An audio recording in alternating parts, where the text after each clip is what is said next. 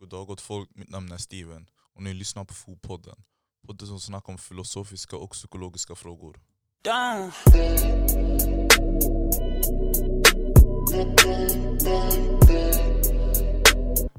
Tjo tjo gott folk och vi är tillbaka. Vi har haft en lång paus men nu är vi tillbaka med ett ämne som jag känner mig ganska stolt över och jätteintresserad och taggad för att prata om det. Och det handlar mest om religion det här ämnet i dagens avsnitt. Och som gäst så har vi med oss Ali, Ali. Hur mår du Ali? Mm, jag mår bara bra bror, själv då? Jag mår bra, jag mår bra. Ali är en god vän till mig. Eh, vi är, eller vi båda sitter i styrelsen för en ungdomsorganisation som heter Vi Unga. Och det är Precis. så vi har kommit att känna varandra. Precis. Men inget mer om det, så jag tänker att vi hoppar direkt in i ämnet. Let's go. Och då går vi till första punkten och det är Är man född till sin religion och har man viljan att välja vilken religion man vill ja, vara en del av? Vad säger du Ali? Mm. Eh, jo, jo, bra fråga Steven. Eh, jag tänker så här bror. Eh, om man tar mitt exempel. Jag är muslim. Och i islam har vi det så här att man hålls inte till ansvar för sina handlingar och så utan eh, förrän man är 15 år gammal. Eh, Mm. fram till 15 år eh, så, man, så räknas man som ett barn. Okej. Och när man blir 15 år gammal då börjar man ta ansvar för sina handlingar så att säga inom religionen. Mhm. Eh, då måste man börja be, dels eh, fasta, eh, praktisera religionen, de fem pelarna. Så, i, men man föds inte, jag skulle inte säga att man föds i religionen utan eh, det, det är någonting man ärver från sin omgivning. Okej. Eh, om vi kollar typ eh, i mitt fall, mina föräldrar är muslimer. Eh, så automatiskt, jag, när jag föddes så eh, tillhör jag den religionen som eh, de praktiserar. Mm. Så jag skulle nog säga att det är både indirekt och direkt om du fattar vad jag menar. Okej. Eh, vad tror du själv? Ja, alltså jag tror att man kan födas till sin religion beroende på vad man själv tror. Tror du på eh, ödet? Tror du att det är redan skrivet någonstans bortom vår räckhåll att du ska vara på ett visst sätt och allting som händer dig ska hända oavsett vad? Tror du på det? Ja, jag tror på det. Och tror på det? Så då kan det inte vara så att ödet har skrivit att du ska tillhöra den här religionen vilket i sin, tur betyder då att du är född till den här religionen och att du inte har någon fri vilja att välja vilken du vill ha. Vad du än väljer, det är redan skrivet, det är redan bestämt. Förstår du vad jag menar? Ja, jag fattar vilken eh, synpunkt du kommer ifrån. Men eh, jag menar alltså som en person, man kan ju välja senare eh, om man vill fortsätta praktisera. Som jag nu till exempel. Jag kan, ju helt välja, jag kan helt själv välja utan att eh, bli påverkad av mina föräldrar om jag ska fortsätta vara muslim eller inte. Mhm. Eh, så det är den delen. Men jag håller med dig också om eh, det här med ödet och så. Jag tror också på ödet starkt. Så det var, det var en bra invikelse där. Så vi kan vara överens om att man kan bli född till en religion men samtidigt, samtidigt inte. Nej precis, det låter, det låter lite komplicerat men Ja, eh, precis, man, det är ju ödet som styr en om man tror på ödet då, som Mhm. vi gör till exempel. Eh, och sen eh, blir man ju påverkad av sin omgivning om eh, vilket religion man ska välja. yes. Föds man i ett kristet hem så kommer det ju tendera att man blir kristen. Mm. Eh, föds man i ett muslimskt hem så kommer det tendera att man blir muslimsk. Okej. Och, men tror du att alla har friheten att kunna välja vilken religion du vill tro på? Ja, jag tror att möjligheten finns där ute faktiskt. Det, det finns ju en mängd olika religioner där ute som man kan välja bland. Mm. Och, eh, så den alternativen finns ju om man vill. Eh, så människor kan ju helt fritt välja vilken religion de vill tro på. Ja, Eh. men, men länder som är typ styrd av en viss religion har de, eller har folket där samma frihet som vi har i Sverige att kunna välja vilken religion du vill tillhöra? Nej, det jag tror inte. Eh, om man tar till exempel länder i Afrika, ta Somalia som ett exempel. Jag är från Somalia så det blir enklare att relatera till det här. Okej? Eh, Somalia, eh, där är ju majoriteten, eller mer än majoriteten, ungefär 99% muslimer i landet. Mm. Och hela landet styrs av sharia-lagarna. Okej. Och så jag skulle nog säga att om man är somali där och eh, man eh, konverterar till kristendom så, så kommer man få ett problem och det kommer bli tufft för en i vardagen och de valen man gör i sitt liv. Mm. Så nej, man, det, blir, det blir tufft i de länderna. Men i Mm. Sverige så har vi den friheten som du sa att eh, man kan fritt välja vilken religion man vill. Man kan även till och med vara ateist och inte tro på någonting alls. Ja. Men, men som du var inne på med Somalia, att ifall du konverterar till en annan religion som inte tillhör av majoriteten då, då är det stor risk att du blir utstött om jag inte har fel. Precis. Ja, men varför tror du att det är så och borde det vara så? Eh, varför det är så? Eh, Varför tror du det är så? Jag tror att det, det är nog det här med förändring. Människor eh, gillar inte förändring och det blir svårt för dem att acceptera förändring. Mm. Eh, speciellt om det är en grupp som står på en sida Mm. och eh, det är en i mängden som dras till andra sidan. Mm. Då blir det svårt för den som dras till eh, andra sidan att eh, samexistera med dem Mhm. utan att det blir konflikter och så. Ja. Så jag tror det är förändringen som är problemet där att eh, de har eh, inställt sitt huvud att eh, det, bara, det handlar bara om att vara muslim Mm. och leva den livsstilen. Eh, så det blir tufft för dem att acceptera att en person är kristen. Står det i Koranen också att man ska respektera andra och deras religioner om jag inte har fel? Jo, jo. Det är någonting som eh, alla religioner förespråkar. ja, men om det är så, varför ja, väljer vissa religioner, och, eller vissa personer som följer en viss religion och säger att ja, det här är den enda religionen som är rätt. Om du är någonting annat då du, du får inte vara med oss helt enkelt. Jag tror det är så, ifall det står att du ska respektera alla och deras religioner. Jag måste nog säga så här att eh, jag tror att man måste skilja på religion och eh, människor. Mm. Eh, det, som står, eh, det som står i religionen och eh, hur människor utövar det, det är två helt olika saker. Okej. Religion är inget fakta direkt. Så människor tolkar ju på olika. Mm. Och sen dras mycket känslor och du vet, mycket annat. B- Mm. Både jag och du kan vara muslimer och tolka, det på två helt, tolka religionen på två helt olika sätt. Okej. Eh, så jag tror det är nog eh, sättet människorna där tolkar det. Mm. De tänker nog att eh, vi vill inte ha någon outsider inom oss. Det kan kanske förminska vår tro, jag vet inte. Men Mm. det är nog därför att människor tror att, som jag sa, att det är förändringen som, och tolkningen som gör att de andra som tar den andra vägen Mm. blir utstötta. Men det, det som står i de heliga skrifterna det är ju Guds ord, eller hur? Ja, precis. Och borde man inte kunna tolka det på ett sätt då, ifall det är Guds ord? Man, man kan tolka det på olika sätt. De eh, står inte rakt av vissa. Men Mm. det, står, det är som du säger, det står Guds, eh, Guds ord och man ska ju tolka, tolka på ett sätt. Mm. Men eh, det är inte så det har visat sig, visat sig i, under samhällens tid. Okej, jag förstår. Jag personligen tycker att det finns, eller beroende på din geografiska tillstånd eh, så har du friheten att välja vilken religion du vill tillhöra. Som du sa med Somalia, att det är en, alltså majoriteten där är muslimer, eller hur?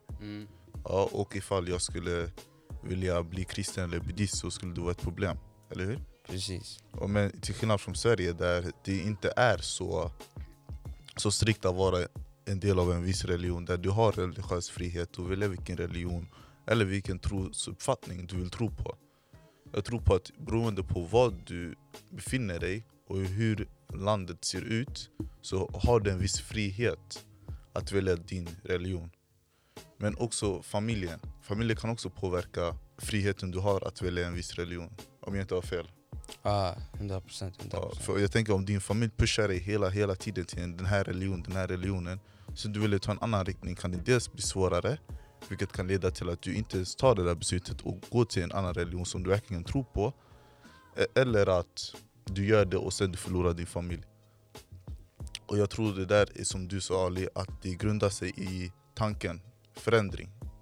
Att folk är oftast konservativa, att de inte tycker om förändring. Och ifall vi kollar bak i tiden så har det inte varit så vanligt att konvertera till en annan religion om jag inte har fel.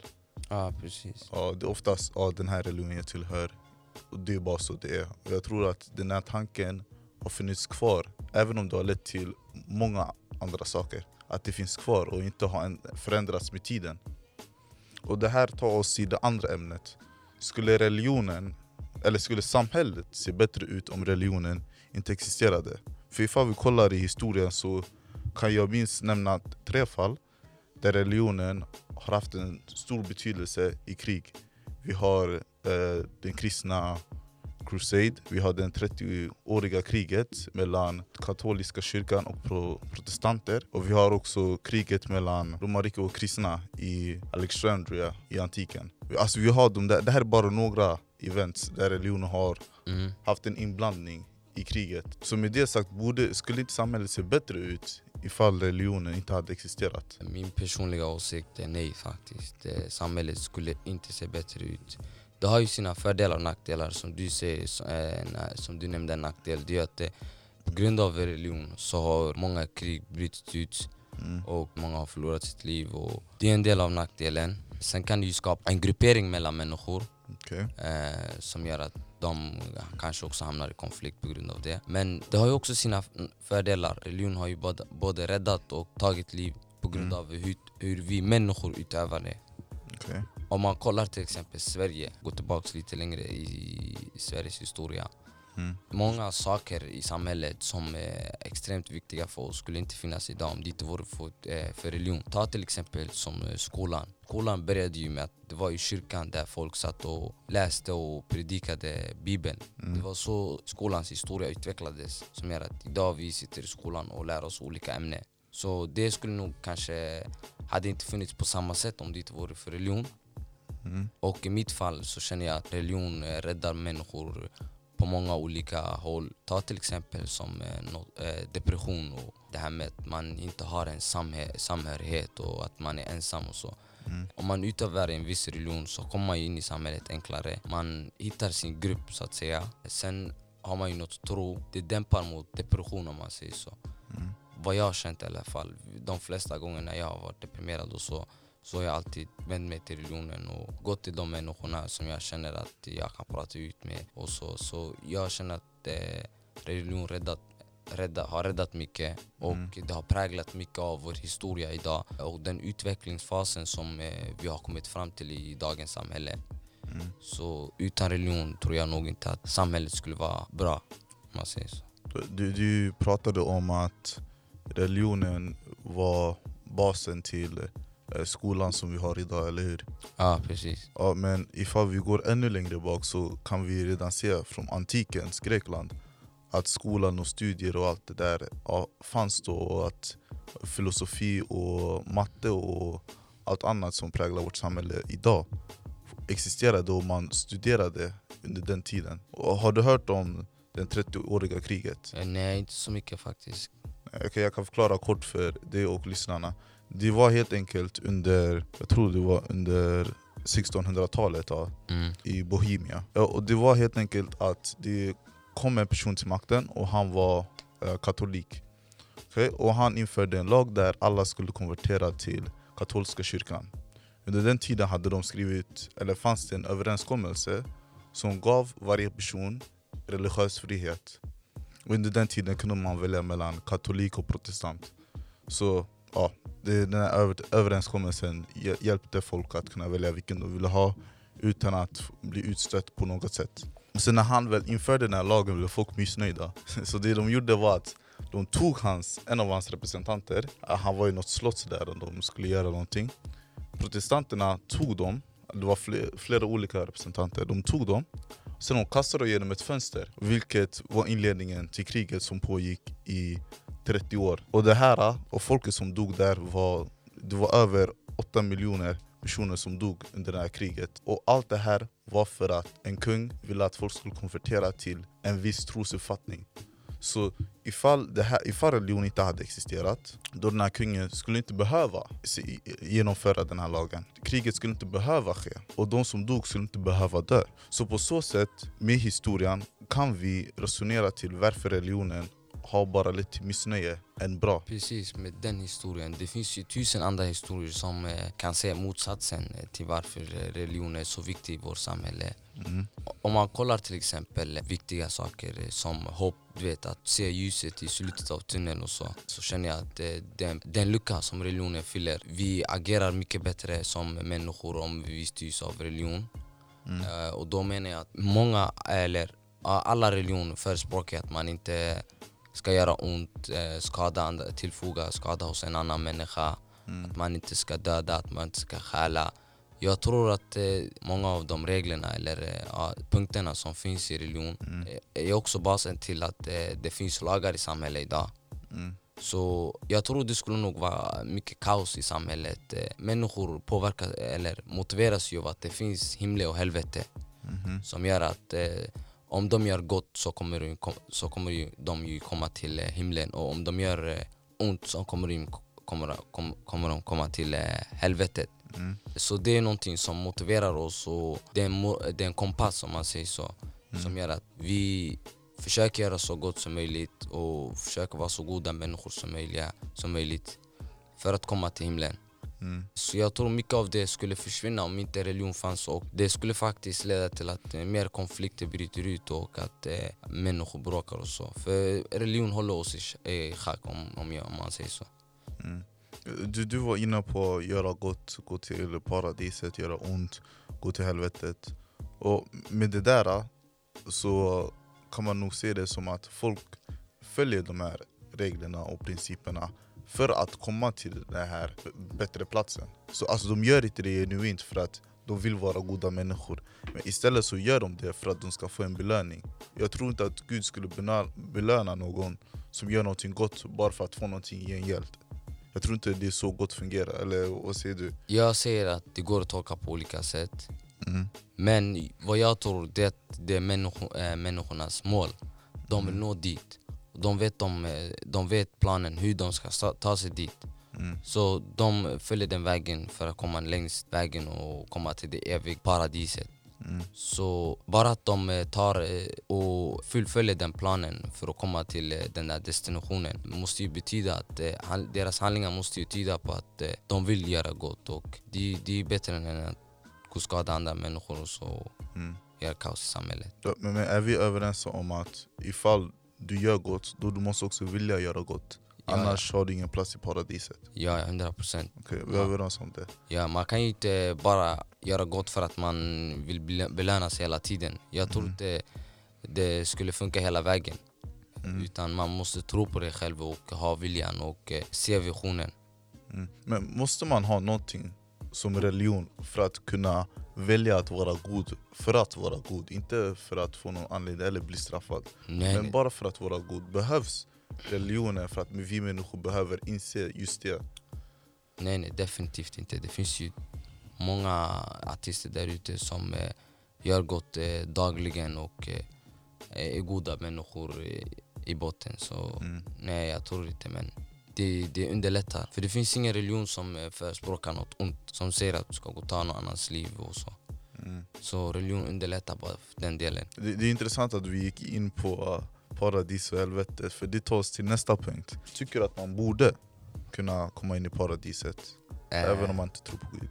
Tror du man borde kunna? Jag tror så här om man som person förespråkar något gott och eh, lever ett gott liv och är ödmjuk som person, eh, skänker mycket till andra människor, gör de goda handlingarna som alla religion säger Mm. men fortfarande inte tror på eh, religion och eh, inte utgår utifrån dem eh, så är det mycket bättre om man tror på religion och gör motsatsen till det religionen säger om du fattar vad jag menar.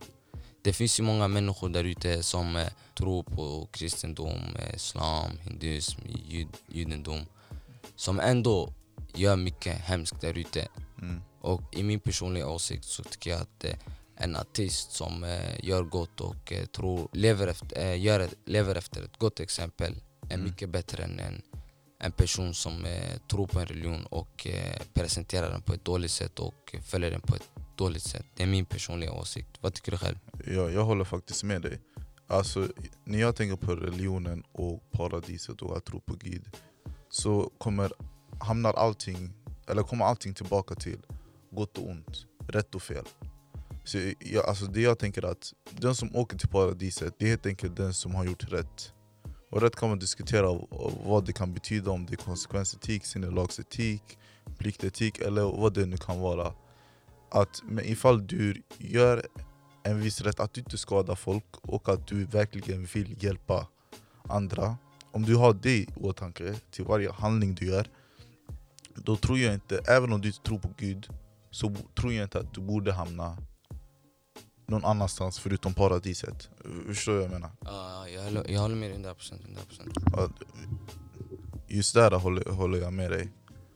Att det spelar ingen roll om du tror på Gud eller inte, om du gör rätt och försöker vara en god människa, då kommer du till slut, eller du borde förtjäna att hamna i paradiset, om det nu existerar. Men det- här tar oss även till nästa fråga.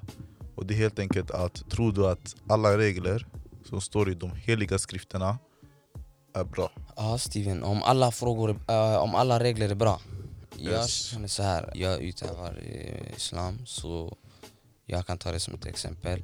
Mm. Inom islam så finns det fem pelare Mm. som eh, varje muslim person måste tro på. Och eh, den första är att man ska tro på eh, att det bara finns en gud och hans sändebud är profeten Muhammed, peace be upon him. Man ska be fem gånger om dagen, att man ska fasta en månad om året, Mm. man ska åka till pilgrimen som ligger i Mecka, Mm.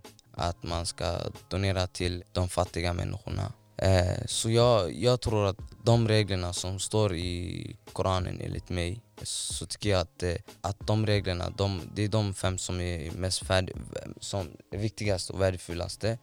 Och de tycker jag är riktigt bra, det är inget svårt att eh, följa. Så i min åsikt tycker jag att eh, alla regler som står i Koranen är bra. Mm. Men sen däremot kan andra människor ha andra åsikter och tycka att eh, re- reglerna som står i alla olika typer av religion Mm. Inte fungerar i dagens samhälle Mm. och att eh, det blir svårt att följa dem eh, fullt ut 100%. Mm. Och eh, mitt svar till det nog eh, skulle vara att eh, om man väljer, kom ihåg att eh, det är ingen som tvingar en att utöva en religion. Det är ingen som tvingar en att tro en religion. Religion ska inte vara, behöva komma till med tvång. Så om du väljer fritt, valfritt att utöva en religion så ska religionen inte behöva anpassa sig efter dig. Utan du som person som eh, väljer att praktisera den religionen ska anpassa dig efter den religionen. Det spelar ingen roll vilken tid du, du lever på, om det är vare sig 100 år framåt, 100 år tillbaks i tiden eller i dagens samhälle. Mm. Vad tycker du? Eh, du, du är kristen, eller hur? Ja, jag är kristen. Eh, känner du att det finns regler i kristendomen som du inte tycker är bra? Ja, det finns några regler som jag är lite skeptisk över. Mm. Eh, och två av dem som jag kan bara nämna rakt ut är från de tio gudsbuden. Den ena är att du måste respektera din mamma och din pappa. Mm. Är Den man kan tänka, okej ja den är bra, man självklart man ska respektera sina föräldrar. Det är de som har ja, tagit dig till den här världen och uppfostrat och gett dig kärlek. Men problemet är att allas föräldrar är inte så. Nej. Vissa har föräldrar som är dickheads, som inte, respek som inte respekterar dem eller behandlar dem rätt eller bra på något sätt. Och Det kan bero självklart på olika faktorer, men det är det vi snackar om nu. Vi snackar om det de gör, deras handling och konsekvenserna av det. Så ifall du bor med en person som är en dickhead mot dig konstant, varför ska den personen förtjäna din respekt? Och varför ska du anses vara mindre eh, i Guds ögon bara för att du, du vägrar ge respekt till någon som själv inte har respekt för dig? Du, du har inte gjort fel, eller hur? Jag, Nej. jag ska inte säga att du har gjort fel. Jag tror inte du dig säga att man har gjort fel Ali. Ifall du respekterar någon som inte respekterar dig. Det är, det, det är en av sakerna som jag kan komma Tänk på rakt ut. Ja. Eh, kanske jag misstolkar hela grejen fel och det har en mycket större betydelse vilket det brukar ha i, i sådana här frågor när det kommer till religion. Men just nu så är det det jag, det jag, jag, jag, jag är fast på tills någon kommer och säger något annat till mig. Och sen den andra är att man ska inte döda. Och samma sak där, det är självklart man ska inte döda. Man ska, vem är du och, och vem är du att ta någon annans liv? Det är ett argument jag har hört flera gånger när jag har ställt frågan till mina kompisar eller klasskamrater, är det rätt att döda eller inte? Då, då, ja, det är det de säger till mig. Då, och sen så tar jag dem i ett dilemma, en liten resa. Så det jag brukar säga, fråga dem är att vi ser att det finns en person, han hotar att döda tre personer och du kan rädda de här tre genom att döda han. Mm. Kommer du göra det? Om jag ställer frågan till dig Ali, vad skulle du göra? Uff, det var en bra fråga. Om jag skulle ta livet på en person som är i risk att ta tre andra personers liv Mm. och rädda dem istället. Uff. Yes. Eh, jag skulle säga så här. Varje person står för sina handlingar. Mhm. Och vi, jag, jag är muslim och du är kristen, eller hur? Mm. Vi tror på att det finns en domedag. Mm. Och i domedagen kommer du ställas inför din gud och Mm. svara för dina handlingar, eller hur? Yes. Och om man tar det här exempel och vi leker med tanken att jag tar den personens liv. Mm. Då kommer jag ställas inför min gud och eh, stå svar till att jag har tagit en människas liv. Mhm. Och jag vet inte om det är samma sak i kristendomen men i islam så, så säger vi att eh, om du, tar, om du tar livet på en person Mm. så räknas det som att du har tagit mänskligheten, hela mänsklighetens liv. Och om du räddar livet på en person så har du räddat hela mänskligheten, if that makes sense. Ja, men du räddade tre personer nu så... Exakt. I det här dilemmat så, har jag, så ställs jag inför en dilemma där jag ska ta livet på en person för att rädda tre personer. Mhm. Men jag skulle nog säga så här att jag skulle inte ta livet på den personen. Just för att jag kommer stå svar till eh, på domedagen varför jag har tagit livet på den personen. Mm. Vem vet om de här tre personerna typ är mördare också Mm. och tagit livet på tusen andra människor och planerar på att ta livet på tusen andra människor. Mm. Förstår du vad jag menar? Ja, jag förstår. Så, och jag tror att det är Gud som kontrollerar allt och att all makt ligger hos han. Mm. Så det är bara Gud som kan rädda de här människorna. Okej. Jag känner inte att jag skulle gå in och ta livet på den personen Mm. eh, just för att rädda de här personerna. Det hade varit något fint men på vågen vägs alla liv lika mycket, eller hur? Fattar du vad jag menar? Ja, jag förstår vad du menar. Så jag skulle avstå från att ta livet på den personen. För låt oss, vi säger så här. har du gett livet till den personen? Nej. Nej, eller hur? Så vem är du som ska ta livet på den? Förstår du vad jag menar? Du var inne på att det är Gud som tar ett slut, beslutet ifall personen ska dö eller leva, eller hur? Precis. Men i den här situationen kan man inte se det som att Gud har gett dig en möjlighet att utföra Guds bud. Om du förstår vad jag menar. Att vi ser de här tre personerna, att de inte är mördare. Att Mm. de är oskyldiga människor. Helt oskyldiga, de var, levde sin vanliga dag. Och sen hamnar de bara i den här situationen. Mm. Kommer du fortfarande inte rädda dem? Även om du tar en persons liv. Och du, för inte, det- du, tar hela mänsklighetens liv som du var inne på. Mm. Men du räddar mänskligheten tre gånger. Jag har en fråga. Eh, måste jag ta livet på den här personen för att rädda de här tre personerna? Ja, det är dilemmat. Finns det inget annat sätt? Eh, Det finns inget annat. Då måste. skulle jag nog avstå och eh, rädda de här personerna. Så du skulle bara låta dem dö? Precis. Eh, just inte bara låta dem dö. Jag hade inte låtit vem som helst dö men jag kunde rädda den personen. Ja. Men inte till kosten, eh, kostnaden av att ta någon annans liv. Mm. Förstår du vad jag menar?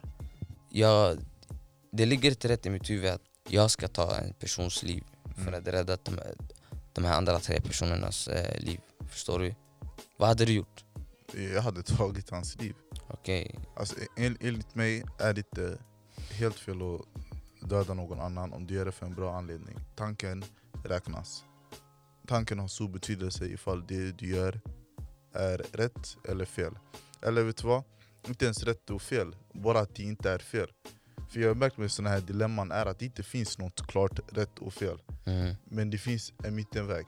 Så i det, här, i det här fallet till exempel, om jag skulle ta den här personens liv, jag säger inte att jag skulle ha gjort rätt, men samtidigt skulle jag inte ha gjort fel, jag skulle hamna i mitten. Förstår du vad jag menar? Mm. Jag skulle ha- hamna i mitten, jag skulle inte ha gjort fel, men rätt kan man diskutera och komma fram till beroende på vad man själv tänker och tycker. Men jag skulle inte ha gjort fel, det är någonting som är jätteklart för mig. Så ja, jag skulle ta den här personens liv för att rädda de här tre andra.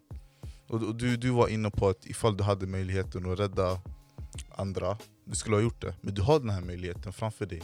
Det du behöver offra är din, hur ska man säga, morality. Förstår du vad jag menar? Det Mm. du själv tänker är rätt och fel. Det är det enda du förlorar.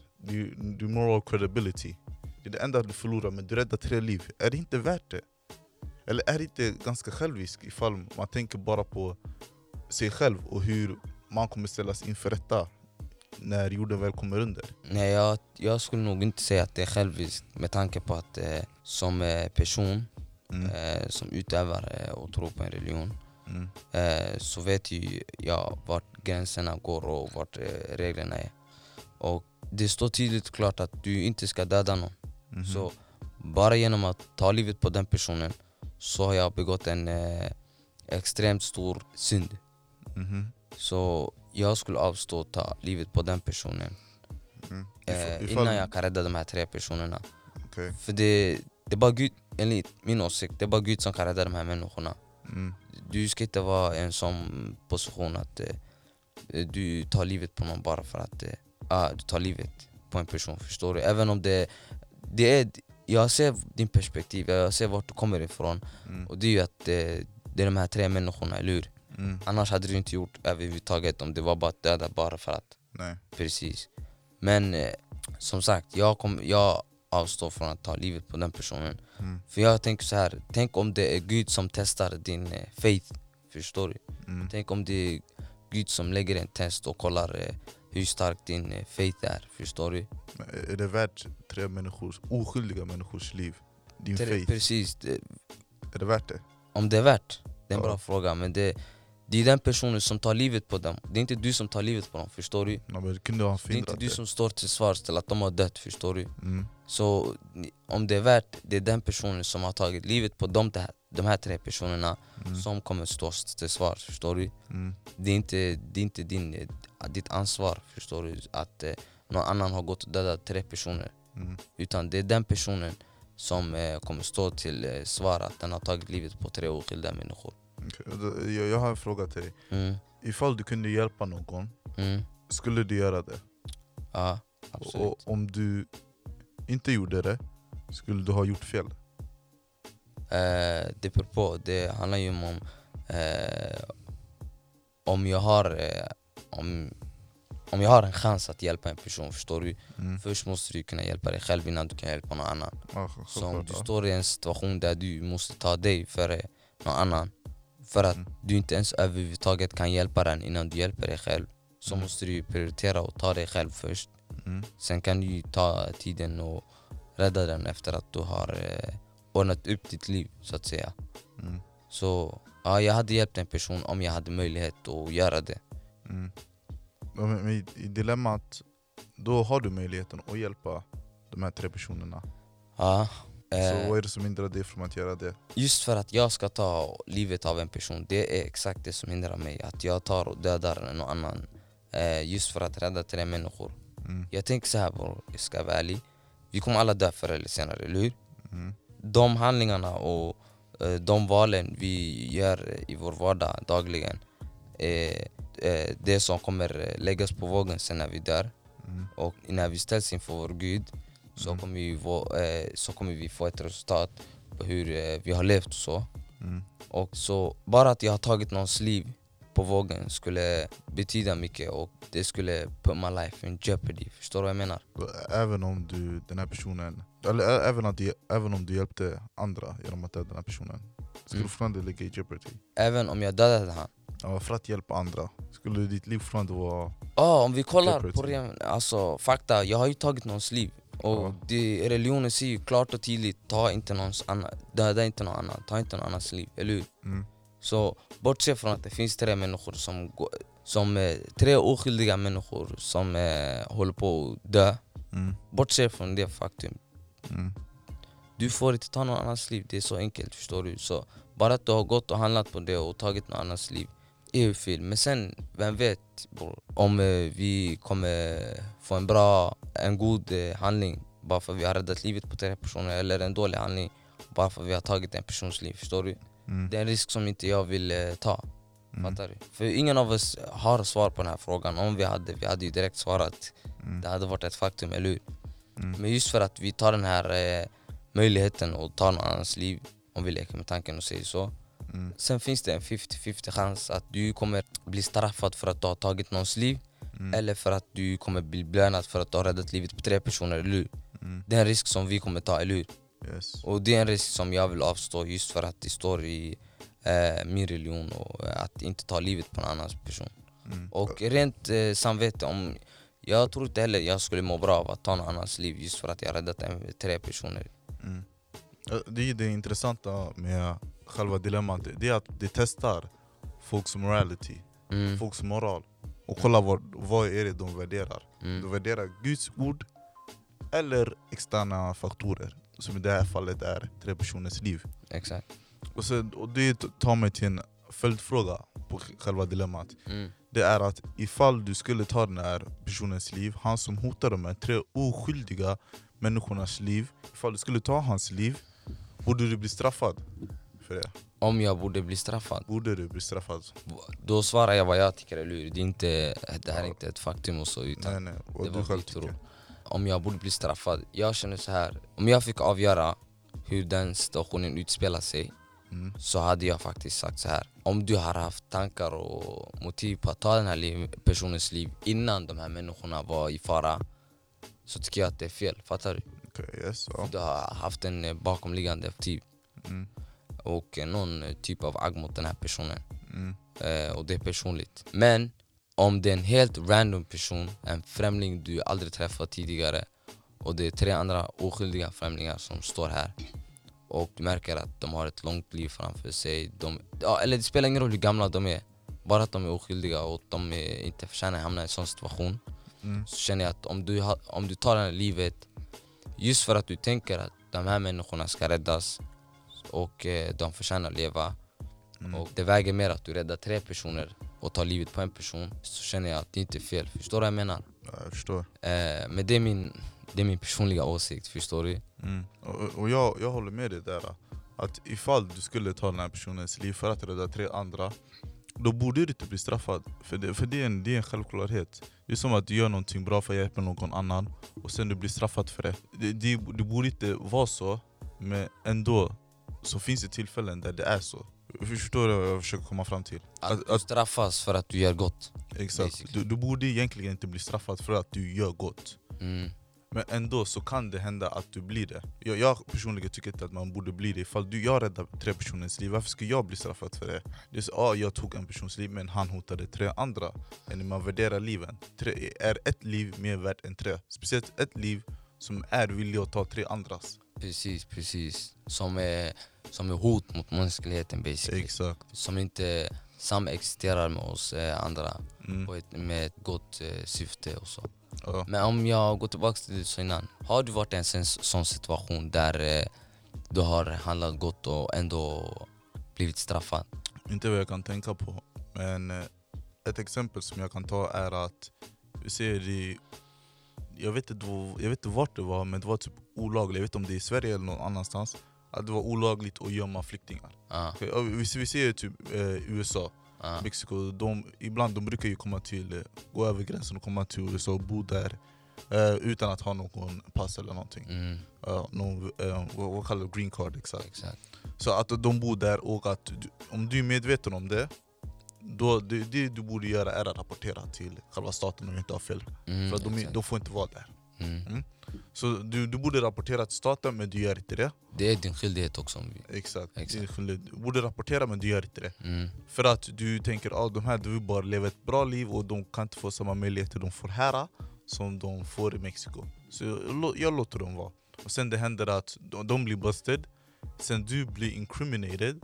Jag vet inte om jag använder ordet Ah, rätt, ah. men du, du blir incriminated för att du har vetat om det här men inte rapporterat.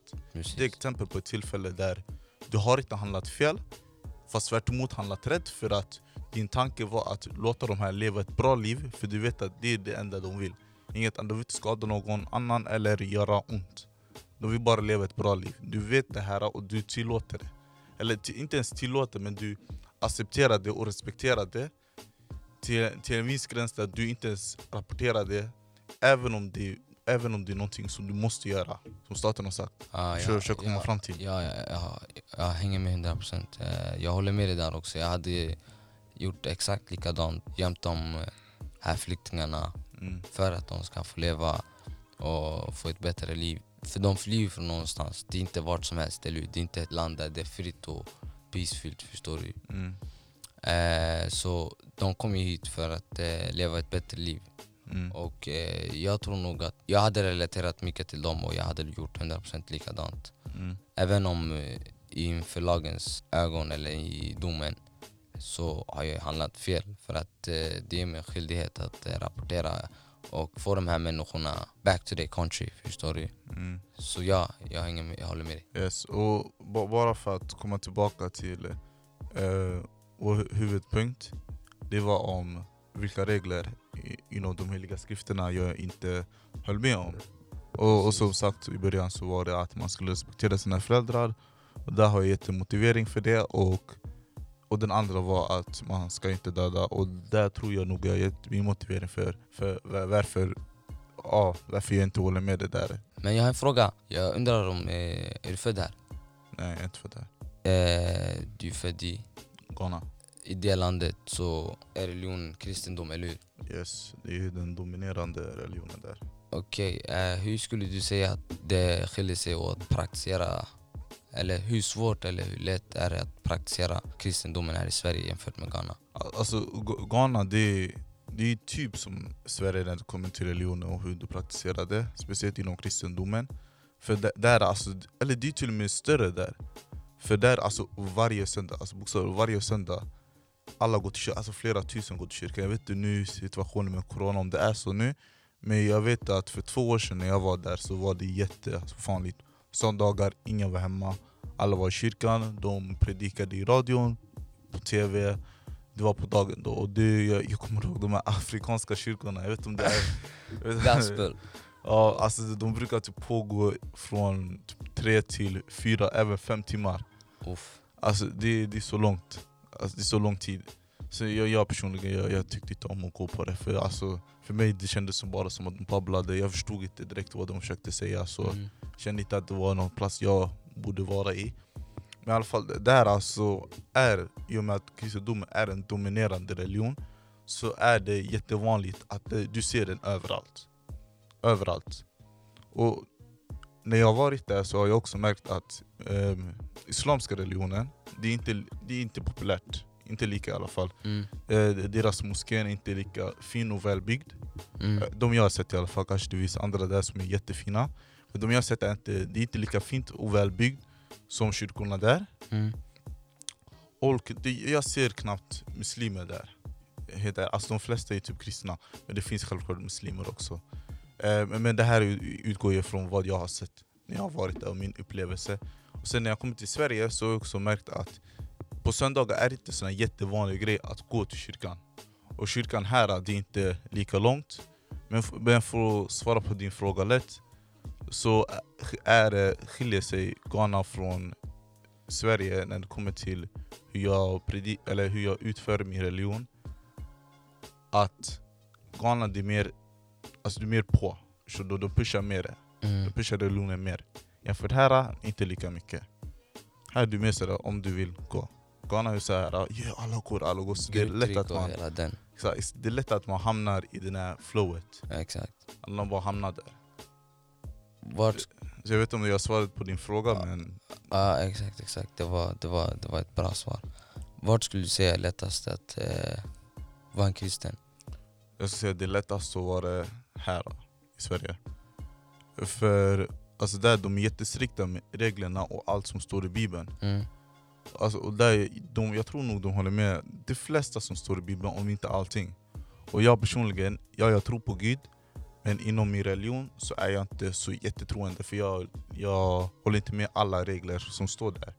Och under det här avsnittet har jag också gett några exempel på några utav sakerna som finns i, inom kristendomen som jag inte håller 100% med om.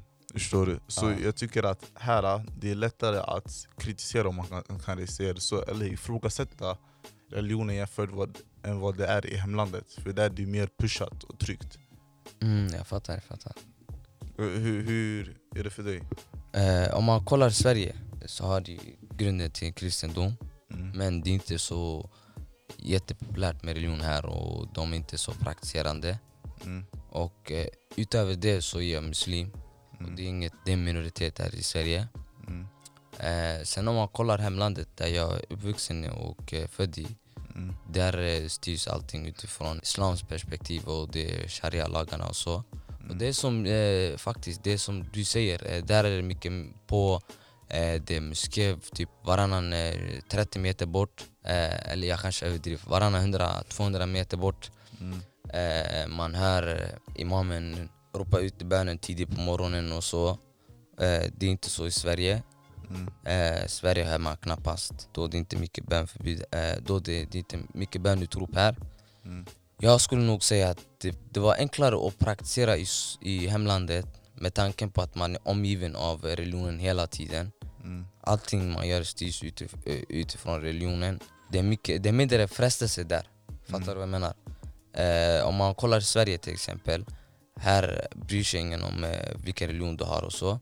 Mm. Om du vill så kan du gå till Systembolaget och köpa alkohol. Om du vill kan du gå och festa hur mycket du vill. Allt det där, prata med, ta kontakt med vilken kvinna som helst, gör vad du vill. Fast i Somalia, där är det så att det är typ att hela samhället is watching you, förstår du? Ja. Lite mer som Big Brother, förstår du? Ja. Eh, man har koll på allt du gör. Om, eh, så fort du handlar fel så dömer folk det och så.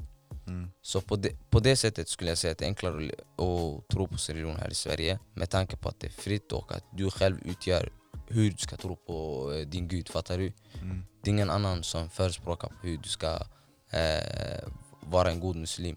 Mm. Eh, det är enkelt att i hemlandet när man växer upp så ser man upp till eh, typ sina föräldrar och så vänner, familj, alla runt omkring, grannar. Mm. Eh, och man gör exakt likadant som de gör, förstår du? Den, den inmatningsreaktion, förstår du? Man agerar så som man ser. Mm. Eh, här i Sverige är det enklare, och som du säger, att ifrågasätta.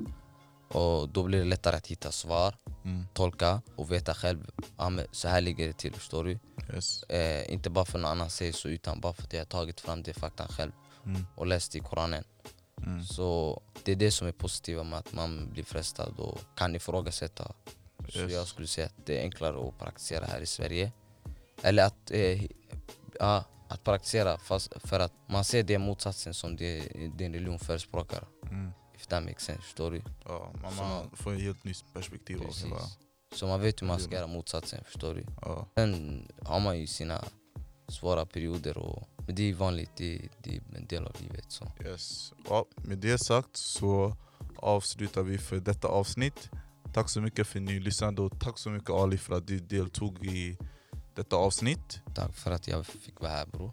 Yes, jag hoppas att det vi sa idag fick er att börja tänka på hur religionen ja, kan speglas i vårt samhälle och hur man kan tänka på det. Och eh, självklart etik och moral och lite sånt. Eh, Och att jag hoppas också att dilemmat också fick er att tänka på ja, om det egentligen är rätt eller fel att döda. Men yes, med det sagt så tackar jag för att ni lyssnade än en gång. Om jag hade sagt det, hade jag? Jag vet inte. Men jag tackar er än en gång och hoppas att ni får ha en fortsatt trevlig dag. Ciao. Stone, two damn phones. Babylons can't crack the code. Used to sip out styrofoam.